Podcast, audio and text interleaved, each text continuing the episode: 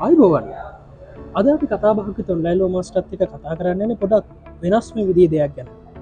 අපි සාමාන්‍යයෙන් අපි නීතික්නයක්කුවන් පස්සේ අපේ තියෙන එක පැතිකටත් තින හැමෝම දකින උසාවීට කියලා ආගිය කරන කතා බහ කරන ඔක්කුවක් කියන කෙනෙක් තමයි නීතික්නවරෙක් විදිරකි සහ නීතිවෘතිය යන්න පුළන් පැත්ත වෙද හැබැයි මේ නීතිවෘතිය කියන්න ඊට වඩා ගොඩක් ලොකු පරාසකට යන්න පුළුවන් ගොඩක් දේවල් කරන්න පුළුවන් දෙයක්. ඉතින් ඒ නිසා ජූනිය ලෝයස්ලට ඒවගේම ලෝ ඉගෙනගන්න කැමතියට ලෝ ඉගෙන ගනිමින් ඉන්න අයට තමන්ගේ වෘතිය කොයි පැත්තරද හදාගන්න කියන එකට යන්න පුළුවන් ෘතිය සුදුසු ගන්න. යන්න පුළම් පාත්ස් මනාද කියන එක අප මේ අපේ චැනලගෙන් කතා කරන්න බලාපොරොත්වෙන දෙයක්. ඉතින් ඒ නිසා අද අපි එපිසෝඩ්ගෙන් කතා කරන්න යන්න ශ්‍රී ලංකා පරිපාලන සේවේග සහ එක කොහොමද ලෝය කෙනෙක්ට වැදගත්වෙන් සහ මේ මොකක්ද මේ පරිපාලන සේවය ගැන කියන්න ගෙනති ඒ නිසා මේ පැත්ත ගැන මම හිතුවා මේ පැත් ගැනම විශේෂිත වෙච්ච පුද්ගලෙක් අදාපේ කතාබාට එකතු කරගන්න. නිසා අද අපිත් එකතු වෙනවා සමිත් තල කිරියාව දැන් සමිත් තල්කිරියා තලකිරියාවකවම දැන්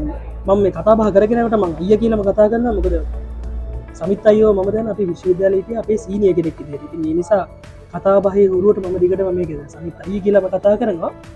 මම මේ අය ගැන දන්න ඕනාට මහිතන්නේ මුලින්ම මේ කතාබහට ශ්‍රී ලංකා පරිපාලන සේවයට කොහොමද සමිත් අයෝ සම්බන්ධයනට නීතිවේදී විතරක් නෙමේ සමිත් අයක තියෙන සුදුසුගංගත්තම යන්න පුළ උලකු පටාසයක් තියෙන තින් නිසා අපි හිතුව මුලින්ම සමිත් අයගෙන් කවුද මේ සමිත් තල් කිරියාව කියන්න අල කිරියාව කියන තැනින්ම අපේ කතාවා පටන්ගන්න ඉතිං අයි මට අපි ගත්තුත් එහෙම කවුද මේ සමිත් කියන්න කියෙන තැන ඉසල්ලම ජනත් මල්ලි බොහොම ස්තුතියි මට සාකච්ඡාවට ආරාධනා කිරීම ගැන. ඉතිං මහිතන්නේ ගොඩාක් දෙනෙක් ඇතන ශ්‍රී ලංකා පරිපාලන සේවට සම්බන්ධන්න ලොකු ආසාාවක් තියෙනවා. ඉතින් ඒකත් එක්ක මෙතරම ඔයා කිව වගේ නීති උපාදිහත නීතිවේදී උපාධිධාරියෙක් විදිහට ලංකාවේ රාජ විශ්විද්‍යාලයට සම්බන්ධ වෙලා ඉට පස්සේ ඒ රාජ විශ්විද්‍යාලය නීතිවේදයක් විදිර ලියටෙන කෙනෙකුට පරිපාලන සේවය කියන්නේ ඇත්තරම හොඳ වටින අපි කැරිය පාත් එකක්. ඉදි කැරිය පාත් එක ගත්තොත් එහෙම එක එම ශ්‍රී ලංකා පරිපාලන සේවය නීතිවෘත්තිකයෙන් සඳහාම වෙන්න එකක් නෙවෙයි.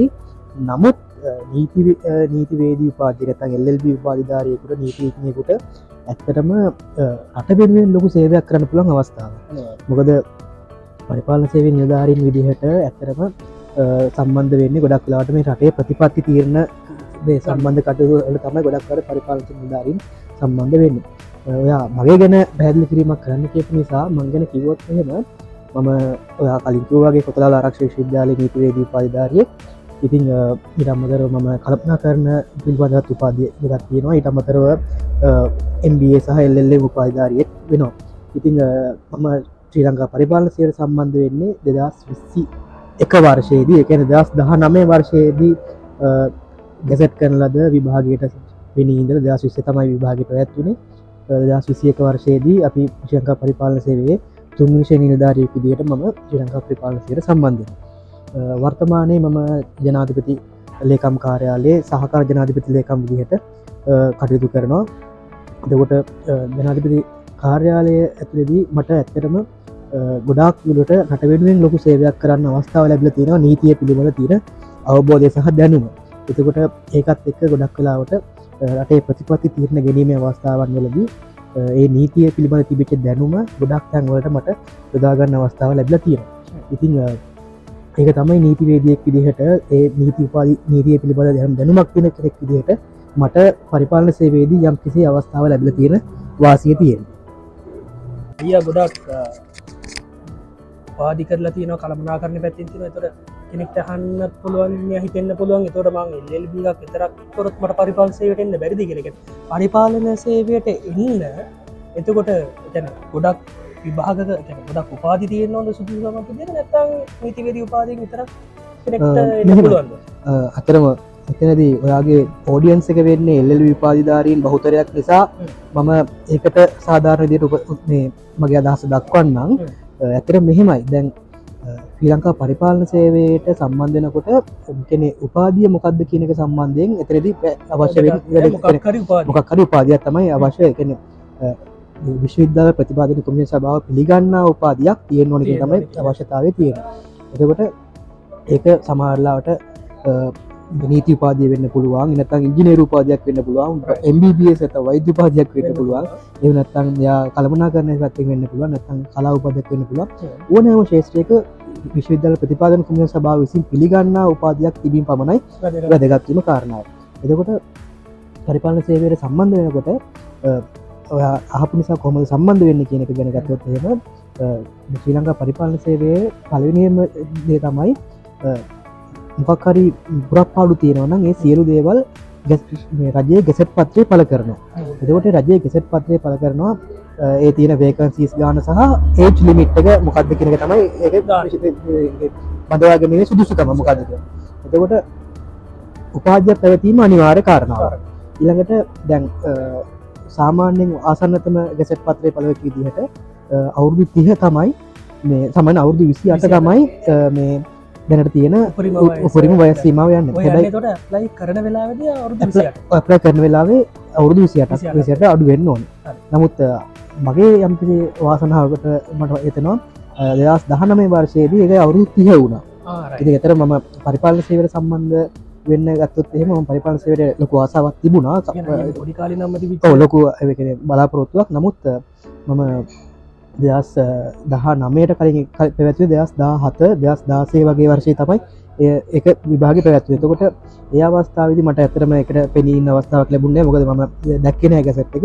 ඒකත් හේතුත් නිසා මේ මම ඒ අවස්ථාවමට මගරම ඊට පස්සේ මම ඇත්තටම සම්බන්ධ මට එකන පරිපාලන සේවයත් එක්ක අපිට ඒ සමගාමීව ගමන් කරන තවත් සේවා තියෙනවා. උදාහරණයකද ශ්‍රී ලංකා විදේශ සේවය. ස්ථානපති සේවය කියලා හඳුන්න එතකොට පරිපාලන සේවය වගේම තානපති සේවත් බොහොම වැදගත් සහ රකවිල ලොකු සේවයක් කරතුව තත්වයක් එතකොට ඉට අමතරව නැවි පරිපාලන සේවගත් එම අපි හඳුන්වන්න ශිලංක පරිපාලන සේව තමයි අපේ රාජ සේවේ ප්‍රමිය සර්විසින් පබ්ලික් සර්විස් කිය තම හඳුන්න්න හොඳම තැන. නමුත් ඒ වගේ මෙදැන් මේ පරිපාලන සේවා සමගාමිනත පරිපාලන සේවා සමානවම තවත් දීප ව්‍යාප සේවා කීපයක් තියෙනවා. උදාහරණකද ශ්‍රී ලංකා ක්‍රම සම්පාදන සේවේ ඊළඟට ගණකාධිකාරී සේවේ ඊට පස්සේ තව ඔය ආකිටෙක්චරල් සර්විස් කියල තියෙනවා ඉංජිනරින් සර්විස් කතිය ඉති ඒවලින් නමුත් දැන් ගණකාධිකාරී සේවරගත්තුත්තේම ගණකාධිකාරී සේවර සම්බන්ධන පුළුවන්. ගණකාධි කරන පිළිබඳ උපාදයක් තියෙන හෝ එමනත්තම් ඒ අදාල සම්බන්ධගෙන විතර ක්‍රම සම්පාදන සේවේටන අනිවාරන්න ඒ බකරි විශේෂ උපාදයක් තියෙන ඕන එතකොට නමුත් පරිපාල සේ ඇතරම පරිපාල සේවේ ගොඩක් කන දුන්න ජෙන ලේස්ල විදිට ජෙනලිස්ල කියල කියන්නේ සෑම ශේෂයක් ගෙන ඔබෝද තිර පිරිසක් වෙන්න එනිසා අයට මතන තියෙන අධ්‍යාපන සුදුකන්ටික ඒ වාසියක් තන්න එක ඒකන එතරම් පරිපාලන සේවේ නිධාරීන් ගතුත්තේම දැන් අපි රටේ සමස්ත පරිපාලනය මෙහෙවල් නිධාරීන් විදිහට එතකොට සෑම ශේෂත්‍රයක් ගෙනම ඔබෝධ තියෙන්න්න ඕන. එතකොට ඒක සමාල් එකට කෙර අපිට එක එක ශේත්‍රයක සම්බන්ධය විශේෂ කරණය වෙන්න පුළුවන්. නමුත් ඒ විශේෂ කරනය වෙනවා වගේම අපි සියලු දේගෙන දරන් ඉන්නත් තුන් ඒකතම පරිපන්සේ ලාරිමින් බලාපොරොත්තු වෙන්න. ඒ නිසා තමයි ඕනෑම ශේෂත්‍රයක පදයක් තියෙන කෙනෙකුට පරිපාලනසයට ඇවිල්ල තමන්ගේ හැකියාව අනුව තමන්ට තමන් කැමති පැතිවලට යන්න පුළුවන්. එක වෙනම දෙයක්. නමුත් එයාගේ බලාපොරොත්න දේ තමයි එයා සමස්ත පරිපාලනය කර රටේ පරිපාලන පරිපාලනය මෙහවන්න පුළුවන් නිධාරීක් බට පත්කින තම ඇතරම පරිපාලන සේවේ එකටිය කෙන ආදුර නිධාරයා ගෙදලා ඉහළම දැන් අපි පරිපාලන සේවේ ඉන්න ඉහළම නිධාරීත සලකර ජනාධපති ලේකන්තුම එ ජනාධපති ලේකම් දක්වා යන ගමන කෙනෙක් වෙනවනම් ඒ එතුමා ඒ එතුමා පත්වෙලා තියනෙත් ආධිනික නිධාරික ගෙට විල්ලා සමාල්ලාට අමාත්‍යංශයක සහකාර ලේකම් කෙනෙක් වෙලා හිමනත්තම් දෙපාර්තමේන්තුවක සහකාර අධ්‍යක්ෂවරයෙක් සහකාර කුමසාරිස්වරය කර හෙමනිකම් පාදේශ පරිපාලනය තුත්තේම සහකාර පාදේශී ලේකම්වරයෙක් වෙන්නගම් නැතම් පළත් සභා පැතර ගයොත්තේම ඒ පැත්තේ වෙන්න පුළුව ඒවගේ ගැන විධ ශේෂල අදකින් ලබාගෙන පියවරෙන් පියවරුට ගිල් තමයි එතුමා එතත්තර යුතු දේසා එකන බලාපොත්තුවෙන පරිපාලසය නිධාරී හැම ශේෂ්ටක්ගෙන අවබෝධයක් ඇතුව අපේ සමස්ත පරිපාලන දායක වෙන්න නික කාරන එක බලාපොත්තු තිය අය කියපු කතාවත් එක්කන පරිපාලන සේවය ගැන තුරගම ගොඩ කාලයක් එස්සේ ලංකා තිීර දෙයක් වගෙන පරිපාලන සේවේ ඉතිහාසය වගේ ගත්තොත් එහෙම කොහොද පරිපාලන සේවේ මේක පටන් ගන්න? මේ කර ඉසල තින සිලෝන් අඩමිනිස්ට්‍රටව සර්විස් කලටසේ ශ්‍රී ලංකන් ඇඩමිනිස්ට්‍රටව සර්විස් කල තර ඒවාගේ තැනති කොහොමද මේ නටන්න ඇතරමල මෙමයි පරිපාලන සේවය කියනකේ ආරම්භය වෙන්න ඇතරම අපි දන්නවනේ ලංකාව බ්‍රතාානය යටත් ජිතය තිබ කියලා. එදකොට ඇතරම දැන් ඉංගලන්තේ මහරජතුමාගව ම රජනගේ නියෝජිතයෙක් තමයි ලංකාව පාලනය කර. එදකොට ලංකාවේ ආණ්ඩුකාරයට අගාණ්ඩුකාර විදිර පත්වන. එතකොට අන්න ඒක තමයි ඇත්තරම පරිපාලන සේවය කෙන මූල ආරම්භය සලක එතට ඒකාලේ මේ බිටිස් සිවිල් සර්විස් ඇත්තන් ඒ වගේ බිතාන්‍ය සිවිල් සේවන් නිලාරෙක් තමයි ගොඩක්වත් ලංකාවට භාරකාරය විදත අග්‍රාණ්කාර විදිර පත් කල ලෙවේ එතකොට ඒ අනුව ඊට පස්සය ඒන ඒ නිලධාරීන් තම අපි දම සුදු නිලධාරීන්දිර හඳුන්නන පිරිස්. ඒ අය එහෙම ඇවිල්ලා ඊට පස්සේ ඕක අප ලංකා යටත් විජතයක් විදිර තක්යෙන් බිදුරට පස්සේ එක පස්සේ සිලෝන් එඩමිශේෂ සස් කියර ඊට පස්සේ ඒක තමයි එක්දසමස හැත්ත දෙකේ ශ්‍රී ලංකා ජනරජයක් වන පස්සේ එස්ල්ලේස් කියල හඳුන්න ගත් මේක ඒ කාලි ඔව්, ඒ- ගයාට පස්සේ තේනට දිකරම අන්න එක. ඇතරම කෙන අපේ අදන ඉතිහාස දැන් රජ කාලෙගත්තු තේම එකකාලෙත් අතනම් පරිපාලන වියහත් තිබුණනේ. උදාරණයක් විදිට නවල ආහල ඇති දිසාවේවරු හිටිය. හිකන්නේ ඌ දිසාවේ කැපිටිබොල් නිලම. හිටිය ඒ වගේ කෙන එතරම එකන ඒ වගේ දිසාවේවරු පත් කළ හිට ඒ වගේ පරිප සුදු අධිරාජ්‍යයාගෙත් තිබ්බා. ඒ වගේ දිසාව ඇත ගවමන් ඒජන්් කිර තත්වේ ඔව්. ජීල කියලා කියන්න. දොර සුදු කෙනෙ තාමත් ඉදන අදරත් දිසාපත්තුමා සමට හඳුනන ජිය ජී කියලා. ඒකට උපදිසාපති රත්තං පාදේශිල්ලේකම් හඳුනන්න ඒජිය කියලා. ඒතරම ඒක තමයි ඒ- හේතුව. පැවැත්තන හේතු එතකොට මේ යන්න ඒකත් එක්ක තමයි අපි මේ එක ඇතරම එක හේතුව තමයි එක දිස්ත්‍රික් ඇදතුත්තේම ජිය කියනකට ගවමට ඒජන් කියන එයා තමයි ඇතරම රජයේ සියලූම කටු සම්බන්ධයෙන් දිස්ත්‍රිකේන ප්‍රධාන නිලධාරිය. දර සියලු මැතිවරණයකද වෙන්න පුළුවන් ආගමිකට යුත්තකද වෙන්න පුළුවන් ඇත්තම් හදිසියාපදාවක වෙන්න පුළුවන්. සියලූම රජය වෙනුවෙන් ඇතරම රජය වෙනුවෙන් ක්‍රියාත්මක වෙන්න බලතල තියන්නේ හට ඒක තමයි එතන බලාපොරොත්තුල තියෙන ගිය විදිහ තමයි එතරම සේ අමාත්‍යංශ මට්ට අපේ රාජසේව ගත්තොත් එහෙම අපිට දැඟරමන් කාලින් කිව වගේ අපේ රාජසේවෙන් සම්බන්ධ ලාරිකට පුළුවන් ආයතන වර්ග තුනකට සම්බන්ධ වෙන්න. එතකොට දැන් අපි ගතත්ේම ප්‍රාදේශි පරිපාලනය. පාදේශ පරිපාලනය ගතොත් එහෙම මේ අපි සහකාර පාදේශ ලේකම්බරයෙක් පදේශ ලේකම්බරයෙක් ඊළඟට දිස්ත්‍රික් ලේකම් එක හ්ම්. දිසාපතිවරයෙක් වෙලා ඉට පස්සේ එහෙම ඒ පැතර යන්න පුළුවන් ඒට අමතරව අපි ගත්තුත්තෙම මේ පලාත් පලා පලාත් සබා පලාත් සබා එදා සංසය අසු හතෙන් පස්සේ පලාත්සා පිටකට පස්සේ පලාත් සබා වල ඒ තියනව දැම් පලත් සබා මාත්‍යංශ තිරවන පලාත් සභාවක ප්‍රධානයා වෙන්නේ පලාත් ප්‍රධාන ලේකම්. ඒ පළත් ප්‍රධාන ලේකම්ට ඉන්නවා මේ සහකාර ප්‍රධාන ලේකම්වරු ඊට වසේ ඒ අමාත්‍යංශවර කෙ පළත් අමාත්‍යංශවලට ඉන්නවා ලේකම්වරු දේශ සහකාර ලේකම්වරු යන්නේ සහකාර ලේකම්වරු එහෙම ඉන්න ඊට පස්සේ ඒක තමයි පළත් සභාවල වියහය. ඊළඟට පළත් සභාව ඇතුලේ තියෙනවා තවත් අ, එක එක දෙපාර්තමේන්ත ඒවල ඉන්නවා අධ්‍යක්ෂකවරු කොමසාරිස්වරු එහෙම ඉන්නවා. ඊළඟට අ, ජාතික මට්ටමේ ගත්තොත් ජාතික මට්ටමේ ආයතන ගත්තොත් එහෙම අමාත්‍යංශ තියෙනවා ඒකට අමාත්‍යංශවලට සම්බන්ධව අපි ගත්තොත් එහෙම අමාත්‍යංශයක සහකාර ලේකම් ඉන්නවනේ ඊට පස්සේ ජ්‍යෙෂ්ඨ සහකාර ලේකම්. අතිරේක ලේකම් අමාත්‍යංශ ලේකම්වරු ඊට පස්සේ තවත් ජාතික මට්ටමේ තමයි දෙපාර්තමේන්තු කියන එක. ඔව්. දෙපාර්තමේන්තු වල සමහර කටය හඳුරනවා සහකාර කොමසාරිස්වරු ඉළඟට කොමසාරිස්වරු කොමසාරිස් ජෙන්ඩාලු විදියට. ඊට පස්සේ අ, සමහර තැන්වල හඳුරනවා සහකාර අධ්‍යක්ෂකරු අධ්‍යක්ෂකරු අධ්‍යක්ෂ ජෙන්ඩාදරු ඒ වගේ කියන්නේ විවිධ කියන්නේ එක එක ජාතික මට්ටමේ දෙපාර්තමේන්තු සම්බන්ධ එහෙම යනවා. ඉතින් ඒ වගේ කියන්නේ එක එක ඒ කියන්නේ එක එක කෙරෙන කාර්ය වෙනස් වෙනවා හැබැයි අ, අවසානයේ දැන් ගොඩක් තැන්වලදී දැන් පරිපාලන සේවය නිලධාරීන් විදිහට මේ හැම හැම තැනකදීම ප්‍රතිපත්ති සම්පාදනයේදී එහෙම නැත්නම් ඒ අවශ්‍ය කරන ඒ පරිපාලන කටයුතුවලට සහ සහ මේ සහයවීමේ ඇතරම් පරිපාලන සේවය නිලධාරීන් ගොඩක් අ, රටට ලොකු සේවයක් කරනවා එකන දැන් අර අය කියපු පරිපාලන සේවා විභාග අවුරුද්ධෙන් අවුරුද්ධර තියෙනවාද? සහ විභාගයක් තියෙනවා කියල කෙනෙක් කොහොමද දැනගන්න? දැනගන්න ඇතර මෙහෙමයි. දැන් ජනක මල්ලි දැන් අ, සාමාන්‍යෙන් පරිපාලන සේවා විභාගයක් සාමානය අවුරුදු දෙක්කට හෝ තුනකට සරක් තමයි එකන ගැසට් කරන්න. එක අවශ්‍යතාවය මත තමයි තියෙන. පුරප්පාඩු එහෙම මත තමයි ගොඩක්ට සාමාන්‍ය විභාගයක්ද අවුරුද්ධක සැරයක් මෙදා දවස නෑ, එහෙම නෑ, එහෙම නෑ. දැන් ආසන් වශයෙන් අවසාන විභාග ගැසට් කළ තියෙන මගේ මතකේ හැටියට දෙදස් විසියක වර්ෂය. නමුත් තවම ඒ බඳවා ගැනීම සිද්ධ කරල නැහැ. මොකද අටේ තිබ ආර්ථික තත්ත්වයක් ඒ වගේම ඒ දැන් අපි පහුගේ කාලය ඔබ දන්න ඇති. දැන් පහුගේ කාලය තිබුණා රජය ප්‍රතිපත්තියක් බඳවා ගැනීම් යම් කිසි කාලෙක නතර කරන්න. දට ඒ ඒක එන්න ඕන කෙනෙක් එන තැන තියනට පලනි තැන තමයි ගැසට වුණාම කියන තැනකට ගැසට එනකොට ඒක ඇති ඇපිකේෂන් ෆෝර්ම් මත ඒක වෙනට පලේ නිපිවර අපි එතිනින්ම කතාව පටන්ගතොත් හෙද ඔතනින් හට මත දිග පියවරත්තිය නෝක අයරත් අවුරුද්ධ දෙක කාලයක් විතර යනවා. සාමන මේක ලොකු වගකීමත් දරන්න පුළුවන් තනතුරක් නිසා එක ප්‍රොසෙස් එක ටික කම්පලිකේට යෝ හැබැයි කම්පලිකට අපට සිම්පි කිවොත් එහෙම පටන් ගන්න තැන වෙලා මහිතන ඇපලිකේෂන් හරියට හරි. එකන දැන් ගැසෙට් කරට පස්සේ ගැසට් එක තිරෙන අවසාන ඇප්ලයික නවසාන ඩෙඩ්ලයින් ඩේට් එකත් එක්ක එදාට කලින් ඒක ඇපලිකේෂන් එක යවන්න ඕන. ඉට පස්සේ ඇපලිකේෂන එක යව්වට පස්සේ දැන් අපිතමු දැන්මගේ මතක හැටියට දෙදස් දහනමේ ජූලි මාස වගේ තමයි එක ගැසෙට්ටුරේ ඔව්. දවස්සේ දෙදස් දහනමේ නොයම්බර් මාසේ තමයි එක්ෂෑම එක තියන්න තිබුණ. නමුත් එතකොට ඒකට ජනාධිපතිවරණය දස් දහනමේ නොවම්බර් මාසයට යෙදුන නිසා. එක්ෂෑම් එක දෙදස් විශ්ස ජනවාරි මාස මගේ මතකයට ජනවාරි දහයි හෝ කොලා වගේ දිනක තමයි තිබුණේ එතකොට දෙදස් දහනමේ ගැසට කරපක දෙදස් විස්සේ මාස හයකට ආසන්න කාලයක් වගේ එක්ෂෑම් එක තියන්න ගිහින් තියෙනවා. ආසන්නතම ගිය අවුරුද්දේ වගේ දස් විසියක ගැසට කරපක තවම එක්ෂෑම් එක පැතිරන එකට අවස්ථාවක් වන්න ඕ අන්න එක එතකොට ඒ අරවගේ මාසයක් වගේ කාලයක් තුළ තියෙනවා.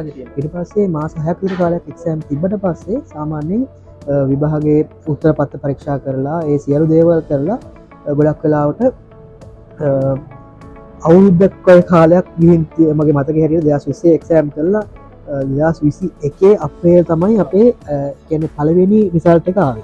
එතකොට පලින් රිසල්ට කියන්නේ දැන් ඉස්සල්ලාම රාජ පරිපාලන අමාත්‍යංශ ඇතරම රාජසේව කෝෂන් සභාව. රාජසේව කොමිෂන් සභාවට තමයි විභාග දෙපාර්තමේන්තුව ඒ ප්‍රතිඵල නිකුත් කරන්න. විභාග දෙපාර්තමේ විභාග දෙපාර්තමේන්තුව. විභාග පවත්වන්නේ. එතකොට අනිකුත් රජය කියන්නේ උසස් පෙළ සාමාන්‍ය පෙළ වගේම බොහොම දර කියන්නේ රහස්‍ය භාවය රැකගෙන ඒ අවශ්‍ය කරන සියලුම ඒ ක්‍රියාමාර්ග අරගෙන විභාග දෙපාර්තමේන්තුව තමයි මේ විභාගය පවත්වන්නේ. ඒ නිසා කිසිම කෙනෙකුට මැදිහත් වීම කරන්නවත් නැත්නම් තමන්ගේ කෙනෙක් දාගන්නවත් ඒ වගේ කරන්න බැරි ඉතාමත් තරකාරී විභාගය සාමාන්‍යෙන් මට මගේ ආරංචි හැටියට මම මගේ දැනගත් විදිහට දෙදස් දහනමේ වර්ෂ මලිපු විභාග අවස්ථාවේදී ආසනජයෙන් විභාග අපේක්ෂතෝ විසි තුන්දාහක් විසි තුන්දාහක් විසි පන්දහ අතර ප්‍රමාණයක් ඔතන්දි මේක හොත්තේ අයලගේ අවුරුදු පුරපාට කියක් තර තිබරදයි පුර පවු දෙසිය. දෙසිය කෙනෙක් අහන්න පුලන්න අමසට සාල්ටෙන්න්න මාස හයක් තරගෙනද අවුරුද්දක් ඒ සාමාන්‍ය පස් බලන්නත් යන්න එක. එදකට විසි කැන ලංකාවන්න විවිධ ශේෂ්ඨවල උපාධධාරීන් විසි තුන්දාහක් තමයි ඒක්ෂෑමක ලියල් තියෙන එකන්න එතනින් ප්‍රථම පන්ති උපාධීධාරීන් දෙවන පන්ති උපාධාරීන් තමට වෛද්‍යපාධාරීන් නීති පාධාරීන් ඉංගිනරු පාධාරීන් කලාපාධාර විධ ශේෂවල එතකොට විසිුන්දා රාසන ප්‍රමාණයක් විභාග ලිව්වා කියන තමයි අපේ දැනට ආරංචි ප්‍රමාණක තියෙන එතකොට ඒවිදිර ලියලා රාජසය කුණ සභාවට එය නිකුත් කරනවා දෙසිය පණහක ලිස්ට දෙසියක නම් දෙසිය පණහක ලිස්ටයක් කියල නිකුත්ව තිබුණ. දෙසිය පණහ තමයි පලවෙනි රිසල් ිස් පල රිසට් කිරිසි ඒ දෙසිය පණහ තමයි ඉන්ටවීකට ගන්නන්න. හරි. එදකොට ඉන්ටවීව එක කොටස් දෙකක් තියෙනවා. හරි. පලන ඉන්ටවීව එකේදි කරන්න දෙසේ පන තෝරගන්න මකර වැඩිම ලකුණු දෙසේ පනද ලක්ත මකර කට මාකයක් කටෝස් මාක දවට කටෝස් මාක් ඇබයි ඒක නම් ලිස්්ට එක නිකුත් කරනකොට එකන්නේ සමහල්ලාට ඒක නම් ලිස්්ට එක නිකුත් කරන්නේ ලකුණු පිළිවෙලට නෙවේ ඇල්ෆබිටික ලෝඩ එකන ගොඩ අයිගෙන දෙසේ පන ඉන්ටවිය කෝල් කරන එකේදී ඕඩේ එකක් හොඩ එකක් නෑ එක ඇල්ෆබිටික ලට තියෙන කවරු දන්න තමන්ගේ ලකුණු මොකක්දගෙන ඒකට දන්න එතකොට එක්ෂෑම් එක කල්ලා අ, මගේ මතක හැටියට දෙදස් විස්සි එකේ මැයි. මාසේ තමයි අපේල් මාසය අරක නිකුත් කර. යා විසික මැයිවල පලවෙනි ඉන්ටව දෙකතර ඉන්ටවස්ට කෝල් කර.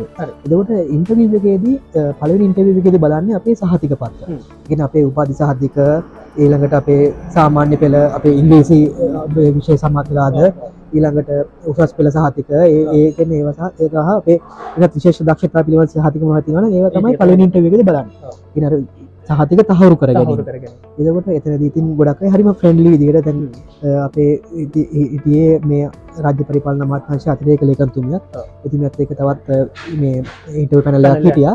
ඉතින් එතකොට බොහොම කෙනෙ අපිත් එක බොහොම සුහදව ඇති මේ කතා පෝමලි දෙන්නවෙයි හැබැයි ඔහන්න එක කෙන බොහොම සුහදව. ඇතරම කෙනෙ දෙකෙදි බලන්න අප අර අප ඇටිටියුට්ස් මොනවද. එකත්න සහ අපි දෙන්න කර ඇයි අපි සුහද කතා සුහද බහක් කතා භාකය යන්න? ඒ අතර අප සාතික පත්ත පරීක්ෂා කරන ඒ පරීක්ෂා කරලා ඊට පස්සේ දෙවෙනි අවස්ථාවට අපිට යොමු කරනවා අමාත්‍යංශ ලේකමක රාජ ප්‍රේපල් අමාත්‍යංශ ලේකම්තුම තමයි සභාපතිවරයා වෙන්න. තවත් අමාත්‍යංශ ලේකමුරු පහක් හෝ හයක්. ඉන්න ඔයලයි රාජසේවා කොමිෂන් සභාව දැන් රාජසේවා කුෂ සභාව ඊට පස්සේ ඒක බාර දෙනවා රාජ්‍ය පරිපාලන අමාත්‍යංශය. ඒ රාජ්‍ය පරිපාලන අමාත්‍යංශය තමයි අර ඉන්ටර්වියට කෝල් කෝල් කරන්නේ. එතකොට රාජ්‍ය පරිපාලන අමාත්‍යංශය තමයි ඉන්ටර්වියු එකේ ඒ අවශ්‍ය කටයුතු කරන්නේ. ඊට පස්සේ දැන් අර පළවෙනි ඔව්, පළවෙනි ඉන්ටර්වියු එකේදී ලකුණු මොකුත් දෙන්නේ නැහැ. පළවෙනි ඉන්ටර්වියු දාට මම කිව්වා වගේ සහතික පත්‍ර කරගෙන විතරයි. දෙවෙනි ඉන්ටර්වියු එකේදී ලකුණු 25ක් දෙනවා. ඒ දෙවෙනි විසි ඒ මම කිව්වා වගේ රාජ්‍ය පරිපාලන අමාත්‍යංශයේ ලේකම්තුමා තමයි ඒ ඉන්ටර්වියු බෝඩ් එකේ සභාපති ඊට අමතරව තවත් අමාත්‍යංශ බොහොම පරිණත බොහොම ජේෂ්ඨ අමාත්‍යංශ ලේකම්වරු 6 දෙනෙක් වගේ ප්‍රමාණයක් ඒ පැනල් එකේ ඉන්නවා. එතකොට අපි එතන ඇතුල් වෙනකොට අපිට දෙනවා අපිට පොඩි කේස් ස්ටඩි එකක්. හරි. එතකොට ඒ කේස් ස්ටඩි එකේදී අපි ඒ කියන්නේ මොකක් හරි දැන් අපි පරිපාලන සේවය නිලධාරියෙක් විදිහට අපිට මුණ පානන සිද්ධියක් තමයි අපිට දෙන්නේ. ඒක බොහොම සිහිල් කරපු මේ ලොකු එන්වලොප් එකක් තමයි දෙන්නේ. අපි ඒක කඩලා අපි ඒක බලලා අපි රෙඩි වෙන්න ඕනේ අපි කොයි වගේ කියන්නේ අවස්ථාව අනුව අපි කොහොමද ඒකට ප්‍රතිචාර දක්වන්නේ? මොන වගේ දේවල්ද අපි ඒක හිතන්න ඕනේ කියන එක තමයි ඒක බලන්නේ. ඊට පස්සේ ඉතින් ඒ ඉන්ටර්වයුව පැනල් එකේදී අපේ අර අපේ ඉතින් සාමාන්‍ය සුහද වහන නම ගම විස්තර ඒ ටික අහලා පස්සේ අපේ විශේෂ දක්ෂතා ගැන මොනවද ඒ නම් ඒවත් අර මම කිව්වා කේස් සම්බන්ධයෙන් අහනවා. දැන් මේකේ මොකද්ද කොයි මේක වගේ කොයි කරන්නේ? ක්‍රියා කරන්නේ? කොයි විදිහට මේවා කරන්නේ කියන අහන්නේ. ඔව්. ඉතින් එතකොට ඒ අනුව ඉතින් අ, එතනදී සහ අනිත් එක තමයි අපේ පෞරුෂය ගැන ඇත්තටම ඒ ඉන්න ඉන්ටර්වයුව පැනල් එක බොහොම කියන්නේ අත්දැකීම් බහුල. බොහොම ජ්‍යෙෂ්ඨ නිලධාරීන් සමන්විත ඒ නිලධාරීන් ඇත්තටම ගොඩාක් මිනි- පිරිස එක ගම්බුදු කරලා තියෙනවනේ. කරලා තියෙනවනේ අන්න ඒකයි. තියෙන්නේ ඇත්තටම කියන්නේ එයා කතා කරදි දන්නවා. එකයි ඔව්. ගන්න එක ඒ නිසා ඒකන බොහම අදකින් බහුල. නිසා යාලා ඉතින් ඇතරම එහම බොහම සුහදයි.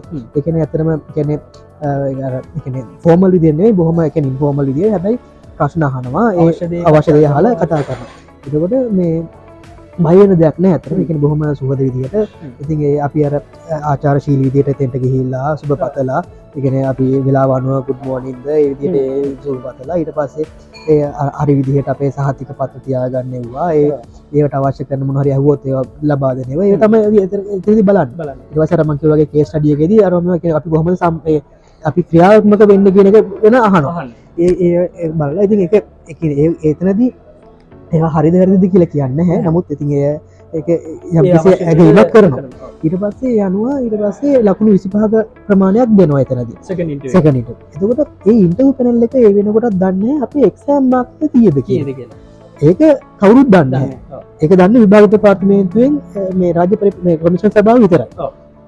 එතකොට දැන් මේ ලකුණු විසි පහේ මේ මාක එකත් ඉට පස්සේ මේ රාජ ප්‍රපල අමාත්‍යශය යවනවා රාජ ඒව කුසි සභාවට. ඒතර අර විභාග රිසල්ට් එකට මේකත් වෙනවා. දෙක ඇඩ් කරනවා. ඉටවාස දෙක එකතු කරලා අන්න ඊට පස්ස හදනවා මෙරිට් ලිස්් එක. ඊට පස්සේ තමයි ලංකාවේ පලවිය කවුද කියලා ඉඳම් ආ. ලිස්් එක ඒතර අර 250 දෙනාම ඊට පස්ස අපිතුම ඉන්න දෙසිය තුනයි කියලා ඔව්. මේ ගන්න ඒ දෙසිය තුන් දෙනාම ගන්න ඒ දෙසි තුන් දෙනාම මෙව කරන. අපිතුම අන්තිමටම ඉන්න අපි දෙසිය තුන ඉඳම් අපිතුම අනු වට විතරන එක එකම ලකුණ කියලා. අන්න ඒවගේ අවස්ථාවලදී සමහරලාවට අන්තිම පහක් විතර එක ලකුණන.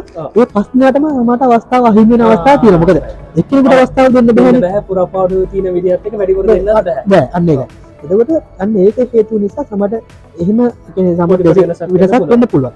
ඒක ඉතින් එබැයි සමල්ලාවට සමර තැන් අවස්ථාව තිබුණා. සම එකන රාජකාරි බාර නොගත් අවස්ථාත් තිය තියෙනවා. එතකොට ඒ වගේ අවස්ථාවලදී ආය වේගන් සියනවනම් අර අර පිරිස්වලට සම්බන්ධ වෙන්න. එකන අර මෙරිට ලිස්ට් එක ඉන්න පිරිසට අවස්ථාව දෙනවා. ඒක හැබැයි අපිට වෙනෝමයි කියලා කියන්න බෑ. අර ගොඩක් අවුඩු දෙන විදිහට. කැම්පස් එකේ බෝඩ් එකෙන් අන්න හරි, එතකොට එහෙම අවස්ථාවල් ලැබෙන අවස්ථා තිබුණා. ඉතින් අ, ඒ වගේ මේ ගෙන අවසාන ඊට පස්සේ මිරිට ලිස්ට් එක පබ්ලිෂ් කරන ගොඩක්ලාට එක කරේ ම- මතව දෙදස් විසි එකේ ජූලි මාස විතර ඉට පස්සේ මාසයක් ඇතුළත වගේ අපේ පලවෙනි ඉන්ඩක්ෂන් ට්‍රේනික පටන් ගන්න එතකොට එකන ඒ ඇවිල්ලා එතකොට අයිලා තීරීලා ඉවරයිද නැත්නම් ඉන්ටන්ෂන් ට්‍රේනින් එක ට්‍රේනින් පිරියඩ් එක වෙනකොට කියන තැනට සිලෙක්කෝ සිලෙක් කියලා ඔක්කොම අවස් rank එක දීලා ඔක්කොම රෑ කරලා ඔක්කොම කරලා මේ අපිට දැන්වන්න අපේ රාජසේවා කෝෂ සභාවේ අපේ පත්චිම් ලිපියට අවශ්‍ය කරන ටික මෙව කරනවා හරි. ඉදවස්සේ මේ අපේ පත්තිම් ලිපිය ගොඩක්ට එක්ක පෝස්ට ගේනවා. එම කරනවා ඊට පස්සේ පත්තිම ලිපිය හම්බෙලා තමයි. ඔව්. එතකොට මේ අ, පරිපාලන සේවී නිලධාරීන් පුහුණු කිරීම සඳහා තියෙනවා ශ්‍රී ලංකා සංවර්ධන පරිපාලන ආයතනය කියලා. සිඩා කියලා කියන්නේ එතකොට මේ ශ්‍රිඩා ආයතනය මේ දැන් සාමාන්‍යෙන් මේ පරිපාලසය නිල්ධාරින් වසරක කාලයක් පුහුණු කර එතකොට දැන් අපි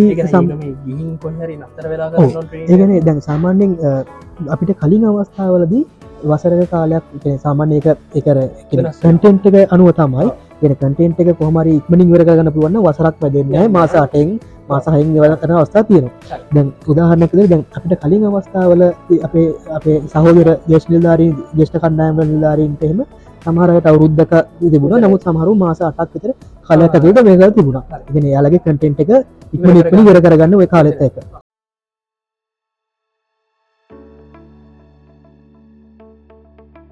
පරිපාලන සේවෙක් නිලධාරියෙක් විදිහට යාව පුහුණු කරන්න හැම හැම ශේෂත්‍රයක් ගැන එකන සමහරට කණඩ බොන එක ඉදං ඉංග්‍රීසි කතා කිරීම මොක දෙකක් තවත් වශයෙන් ඉංග්‍රීසි ගැන එතන් දෙමල භාෂාව ගැන ඊළඟට අපි දැන් පාදේශ පරිපාලනයේ විශේෂයෙන් බෙදෙනවා ඉඩම් සම්බන්ධ ගැටලු තුර ඉඩම් පරිපාලන දේවල් ගැන කළමනා කරණය ගැන නීතිය ගැන ඊළඟට ආයතන සංග්‍රහය ගැන දොල් රෙගුලාසි ගැන විවිධ ශේෂ්ට ගැන. තමන්ගේ නායකත් හැකියාව නර්ධනය කරගන්න ගැන.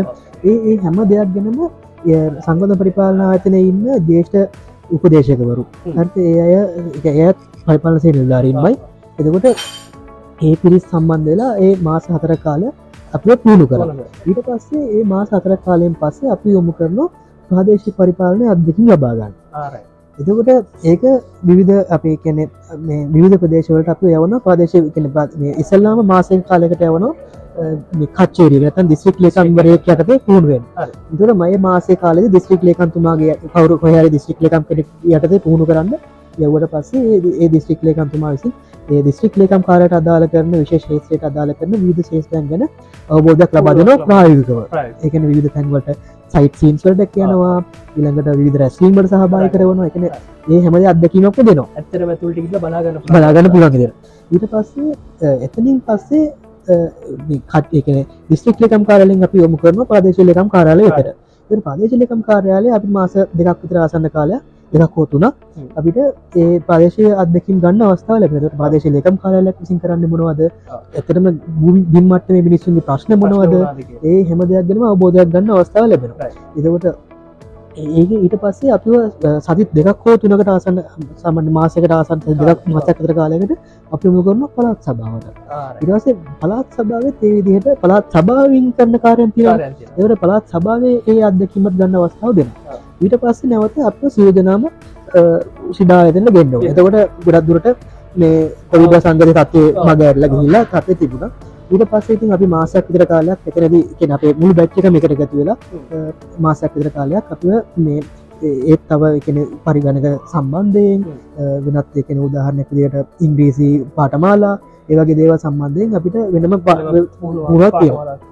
හිට පස්සේ ඒ සියල් ඉවරකට පස්සම අපේ පාසිං අවට්ක තියෙන ඉ එතන අපි පොඩි කොන්සට්ටක්ම කරලා අපේ දක්ෂතා ඉදක් වෙලා ඉර පස තමයි අපිට අපි කොහටද පත්තිීම කරන්න කියලා අපේ පෝස්ටිං එක දෙන්න.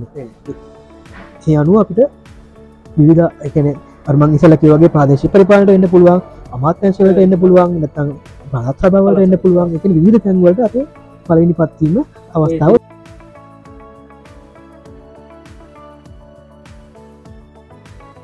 අයි දැම අයි කතා කරපු දේත් එක්කද භාෂාව ගැන කතා කරපු නිසා. එතුර අපි විභාගට මුණ දෙනකොටත් ඒක අපට චොයිස තියනද මේක තින සිංහල විතර ඉංග්‍රිසි භාෂා තුනෙම අපිට විභාගට පෙනීන්න පුළුවන්. ඕන සිංහල භාෂාව.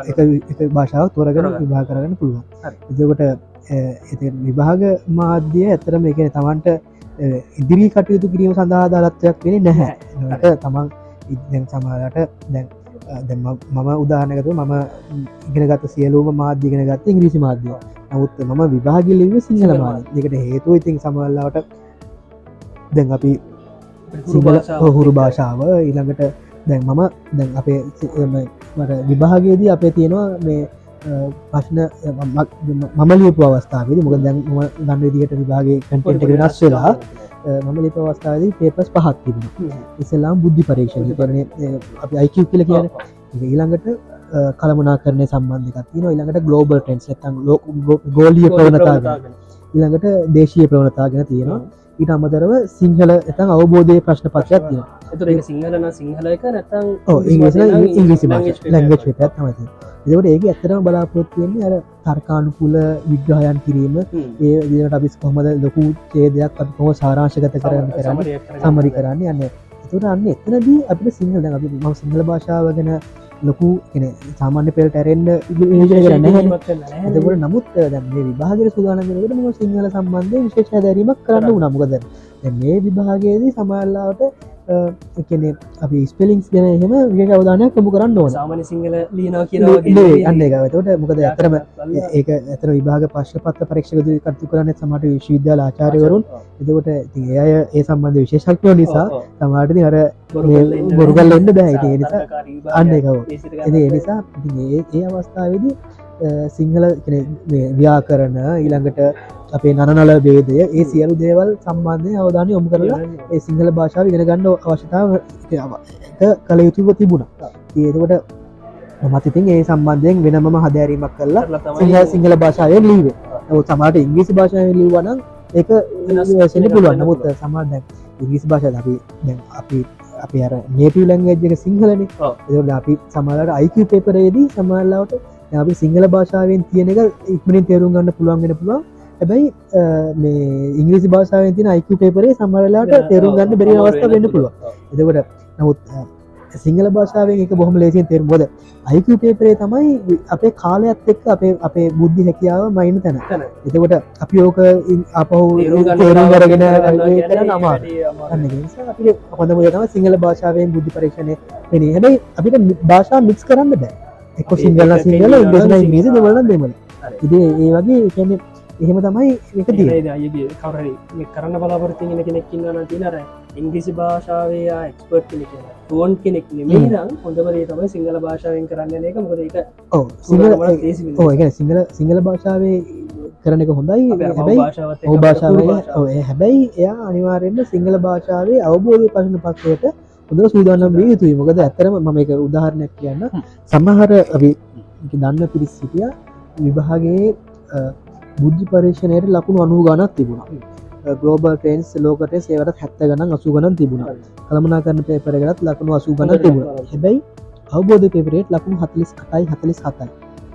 පාස් මාකිද ලකුණු පණහා. එකන හැම පේපරකට එකම තින ඇවරේජ කර හැම පේපරක ලකුණු පණහටඩි ගන්නවා හිතන්න අර වගේ පේපස් ඔක්කොටම හොදට කරලා අර එකක් වැවුණ ය එතර මේ හරිම අවස්නාව දත්ත. එකන එයා සමල්ලාවට ඒකනේ ඒ සිංහල භාෂාව ගැන අවධානය යොමු නොකරපු අවස්ථාවක් වන්න පුලා සමට ලකුණකින් දෙකකින් යාගේ මුළු ජීවිතයම වෙනස් වෙලා. අචර හරට අනි දේවල් ටික්කර ලිවර වර්තමානය සම්බන්ධය මට පැලිකිරීමක් කරන්න. දැන් වර්තමානයේ තියෙන පේපෙස් පක්ෂක තමයි මංකිව් වගේ දැන් අපි අපිලේ අවස්ථාව විස්තුන්දාහකට ප්‍රමාණයක් ලිවන එතරම ඒක එකන ඒවගේ ප්‍රමාණයක පශ්නපත්ත බැලීමට ලොකු කාලයක් එක හිරනුව පශ්නපත්ත පහක් විස්තුන්දහක් බලනවා කියෙන කාල වියදම ලොක රජයට ලොකු වියදම දරන්න සිද්ධ පවතන ගන්න එක. එතකොට ඒ හේතු නිසා දැන් වර්තමානය හඳුන්වාදය තියෙනවා අධ්‍යයට දෙකක්. පලවෙනි අධීරයේදිත පවත් පවත්වන්නේ බුද්ධි පරීක්ෂණය අවබෝධය ප්‍රශ්න පත්‍රය විතරයි ඒ සිලෙක්නාව තමයි දෙවනි අදිරට යන්න පුල එතකොට එතු දෙවිනි දීරේ දියර පශ්න පත්‍රල පේපස් තුන ඉතුරු කට්ට එකන එතකොට දැ ඒදේ තමයි වර්තමානයක තියෙන එතකොට දැ බුද්ධි පරීක්ෂණය ගත්තත්ම බුද්ධි පරීක්ෂණයට ඇතරම එකදී එක ගණන් නෙවේ එක ඉසලාම් කියන්න එකන බුද්ධි පරීක්ෂණය ගොඩක් අයතන තමන්ට ගනම් පුළුවන්න බුද්ධි පරීක්ෂණය පුළුවන් හැබයි ඒම නෑ එකන බුද්ධි පරීක්ෂණය තියෙන බුද්ධි පරීක්ෂණය ගණන් පුළුවන්වීම යම් ප්‍රස්පොයින්ටක් විතරයි. හැබයි බුද්ධියට හාකි බුද්ධියන්න එක එතකොට සමාර දේවල් තියෙනවා. එකනෙ දැන් අපිට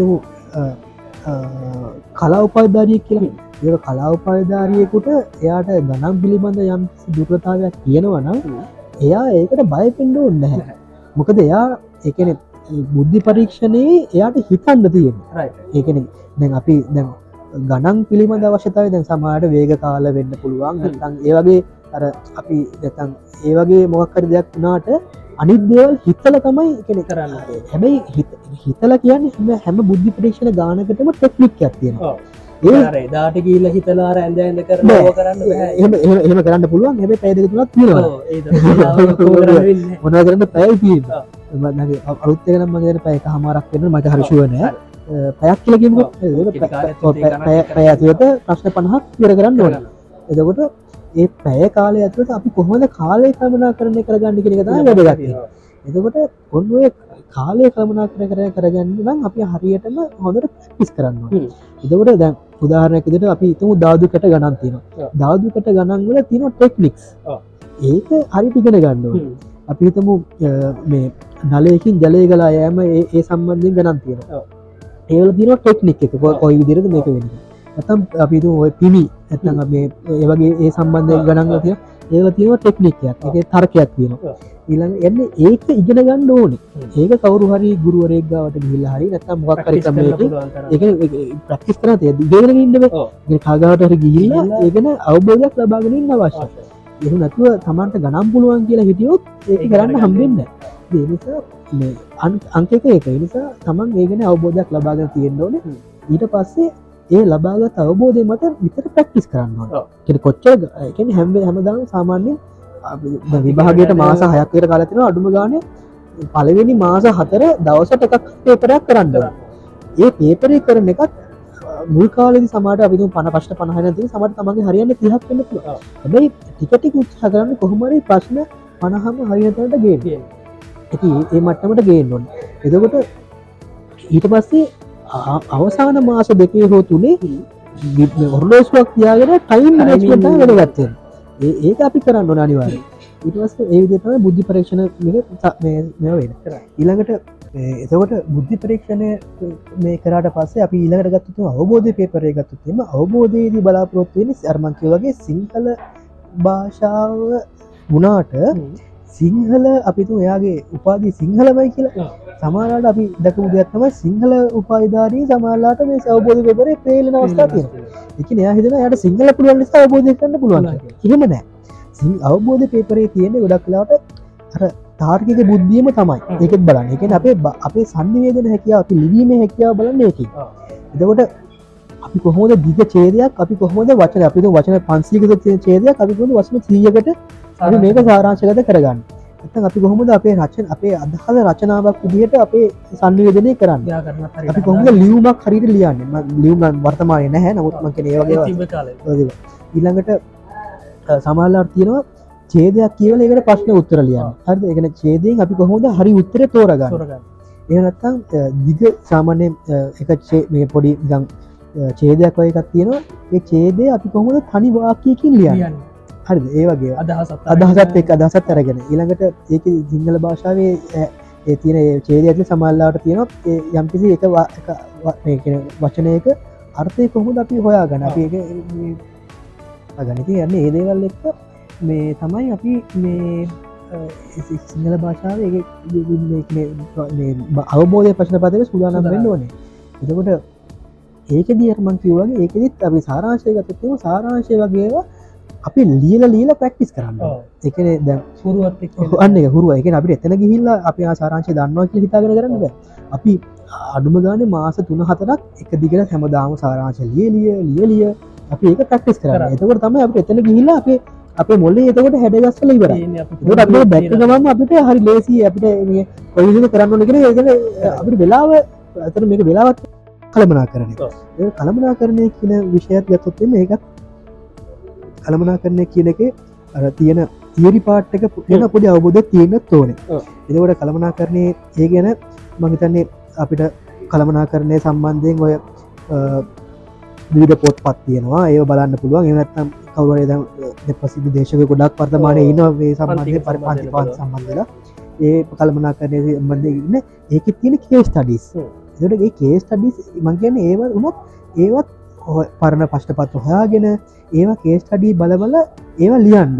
එතකොට තමයි අර අපි අපි හිතන හිතන විදි වෙනස්වෙන අපි ඒ ප්‍රශ්න දිහා දැක්කහම අපි කොහොමද මේකට ඇපෝච් කරන අයි මේ පුංචි අතුර ප්‍රශ්න දැන් අපි කතා කරපු පරිපාසි ගත්තම් පස එන්න පුළ විදි ගීප ඇත්තිනද අපි කතා කරපු දේ තමයි අපි විභාගයක් එක් කියන එක මේ විදි අමතර තම පරිපාසයට සම්බන්ධ විදි කීපැත්ති ඕ මදන් අපි දැන් ඔච්චල්ල කතා කරේ පරිපාසවේ විවෘත විවෘත. ක්‍රමවේදය ගැන. එක්ෂම්. පපිකේෂන් එක විවෘත. විවෘත කරම තමතුර තවතින සීමිත ක්‍රමවේදය සහ කුසලතා පදනමින් විදිහ.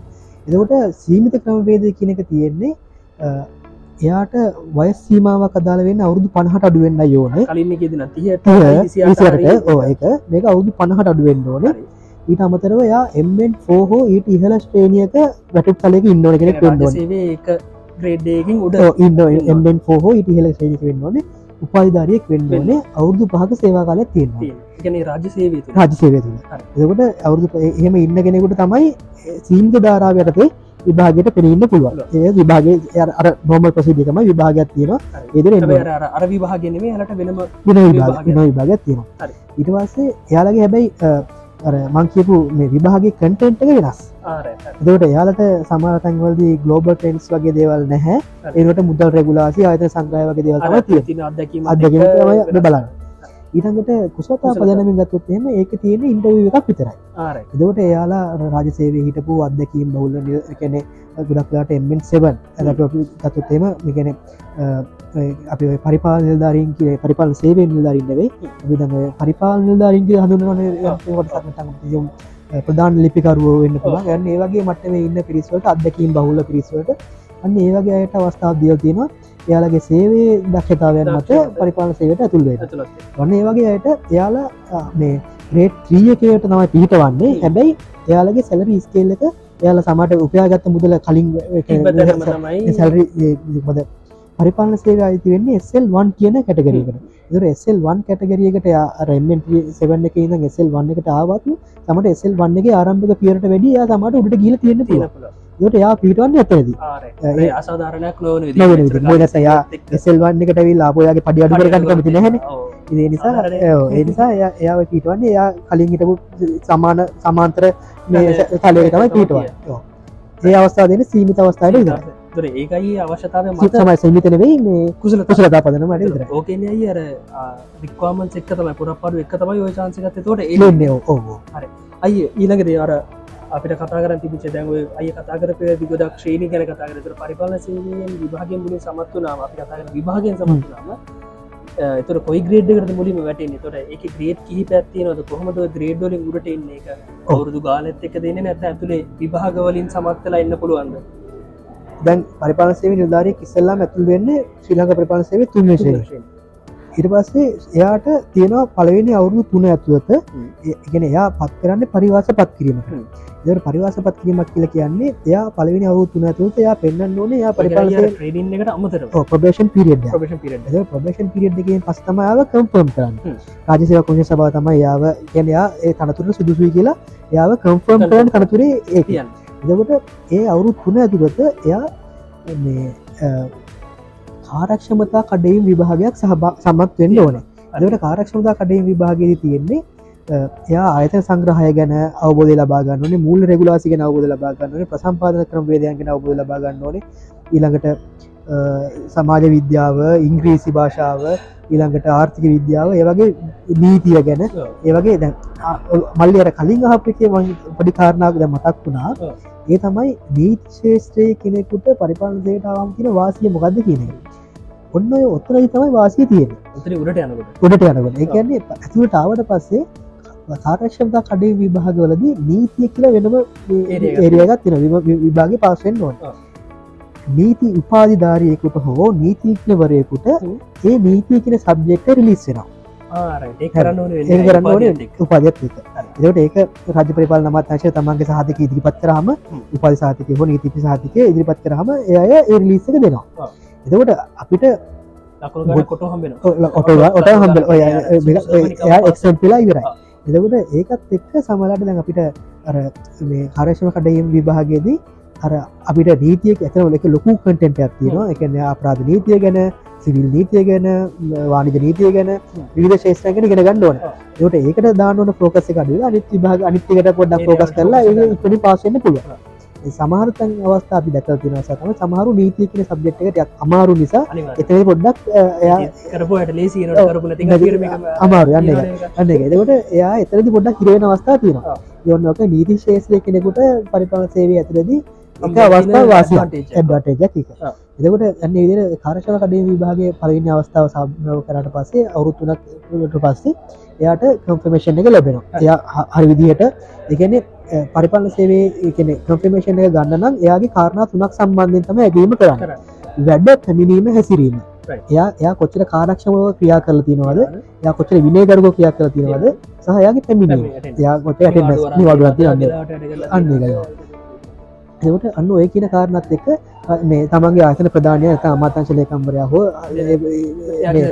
රෙකමන්ඩේෂන් එකත් එක්ක එක යවනවා රාජසය කුණ සභාව හරි. රාජසය කුණ සභාව ඒ සියල්ල විශ්ලේෂණය කරලා එයාව තනතුරට යා සුදුසුද නැද්ද? එත පරිපාල සේන ධාරක විදිහට මෙයා තවතුරට තියාගන්නවද කියලා එයාලා තීරණය කළා. ඒ කන්ෆර්මේෂන් එක දෙනවා. එතුර එහම නැත්ත සමලට එක්ස්ටන් කරනය කුත්තනද ප්‍රපේෂණ එක නැත්ත ඔව් ප්‍රොෆෙෂනල් එක්ස්ටෙන්ඩ් කරන්න පුළුවන්. ඒ කියන්නේ එයා එයා අවශ්‍ය කරන සුදුසුකම් සම්පූර්ණ නැත්නම් අපි කාර්යක්ෂම කඩේම විභාග සුද කළා නැත්නම් එයාට තව අවුරුදු ගානක් එහෙම. ඉන්න පුළුවන් ඉතින් අන්න ඒ වගේ අවස්ථා තියෙනවා. කන්ෆර්ම් මෙලට ග්‍රේඩ් වැඩියනද නෑ, කන්ෆර්ම් අවුරුදු තුනේදී තම ඊට පස්සේ අවුරුදු පහක් කියන බැඳිලා අවුරුදු පහකින්.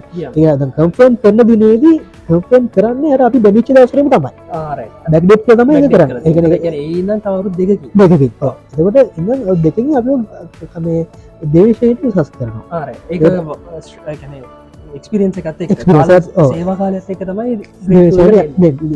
දේශය සේ දේශනයේ ගොඩක් තනතුරු හම්බ වෙන්නේ දැ දේශනිසා තුන්ේශනය ගොඩක් තනතුරු සමාන එතකට සමාර තැන්වලද දැ උදාහරනක දිට අපි අතුත්තේම සමර දෙපාත්මතුතිම මලි හල ඇති සහකාර අධ්‍යක්ෂ තිනක නියෝජ තියෙන තියෙන නියෝජ අධ්‍යශය තතුර දෙන්නේ දේශනය කෙනෙකුට.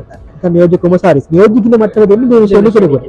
එතකට දේශනය කෙනෙකුට සහකාර මට්ට මේ තැනතුම් දරන්න ප්‍රශ්නයක් නෑ. ඒ ප්‍රශ්නයක් නෑ එතකට ඒකනම දේශය ඉලවසේ අවුරුදු දොළහකට පස්සේ එකන බැදිච්ච දවසන අවුරු දොළහකට පස්සේ එයාට හම්බෙනවා පරිවිශයට යන්න අවස්ථාව. ඒවට පරිශේනයට ගියාට සේවකර දෙවිශේනී තවත් කඩ කාරශම කඩේ විභාගයක් තියෙන දේශයෙන් ඒක පාසුනොත් තම පරිශයට යන්න අරවන් කියවගේ මර වැඩ හැසිරීම හැමිනීම කිය දේවල් බලලා පරිවිශේනයේදී පරිශයට සස්කව ඒක ඊට පස්සේ අවුරුදු දා හතකට පස්සේ නැත්තගෙන මෙවිච දවද ඉන්න අවුදු දාහතට බසාර අවුරුදු දොලහ ඉන්න අවුදු පහකට පස්සේ එයට අවස්ථාව තියෙනවා විශේෂ ශ්‍රේණි සස්වෙන ද විශේෂ ශ්‍රේණිය තනතුරු කියන්නේ අමාත්‍යංශ ලේකම්වරයක් වෙන්න පුළුවන් විශේෂ ශ්‍රේණී නිලධාරියෙකුට විතරයි. මෙම අමාත්‍යංශ ලේකම්වරයෙක් ගත්තම ඒක අත්ම ජනාධිපතිවරතුමාගේ පත්වීම එතකොට ඉතන්න අද බාර බාහිර තින්න වෙන්න පුළුවන්. අන්න එකයි සම්පදායක් සම්ප්‍රදායක් තමයි තමයි ගන්නවා එතකොට ඊළඟට අමාත්‍යංශික අතිරේක ලේකම්වරයෙක් ඊළඟට කුම එකන අධ්‍යක්ෂ ජෙන්ඩාල්වරයෙක් ඊළඟට කොමසාරිස් ජෙන්ඩාල්වරයෙක් දිසාපති කෙනෙක් වෙන්න පුළුවන් මේ විශේෂ දානකට විතර ට විශේෂශරයේ තියෙන්නේ අවස්ථා මගේ මතකේ හැටිය දෙසිය තිස් දාන ඒට කොච්චර එකන ඇතර මේක තියෙන පිරමිඩ් බැක් විදිහ ඒකට දැන් දෙසේ තිහයිට පස්සේ ප්‍රමාණට තුන්ගෙන ශනිතා වැඩි වැඩි සයි එතකොට දෙසිය තිහේ එක අර උඩින් ඉහලින් ඉන්න පිරිස මේ විශ්‍රාමයමත් එක්ක ඇතින තමයි- පුරප්පාඩු මද තමයි ඒ අවස්ථාව ලැබෙන එකන රවුරුද්දු සමාලට දොලා හිටියත් ලැබෙන් නැතිවෙන්න අවු දාහතෙන් පස්ස වන තමට අවුදු විස්සක් යන්න පුළුවන් විශේෂ නැ උඩ උඩ පිරිස විශ්‍රාමයන් නැත්තා එයාට පොඩි මේක මේකක් වෙනවා. ඉති අන්න ඒ වගේ අවස්ථා තියෙනවා. ඉතින් අන්න ඒක හේතුව නිසා මේ අතන විශේෂයේදී කෙනෙ එයාට එකන වැඩි වගකීමක් සහ ඒ ඇතන වරු දාහතක් ලොකු අදකීමක් ආ. ඒවට ලොකු වගකීම් ප්‍රමාණයක් ලැබෙන ලැබෙන ඉති ඕක තමයි ඇතරම එක තියෙන යද අපිත එකතුරට ලොකු කාල වෙලා ලොකු දනුමක් අපිත් එක්ක ෂය කරගතර බොහොම ස්තුතියි. ප්‍රහම ස්ති මලේන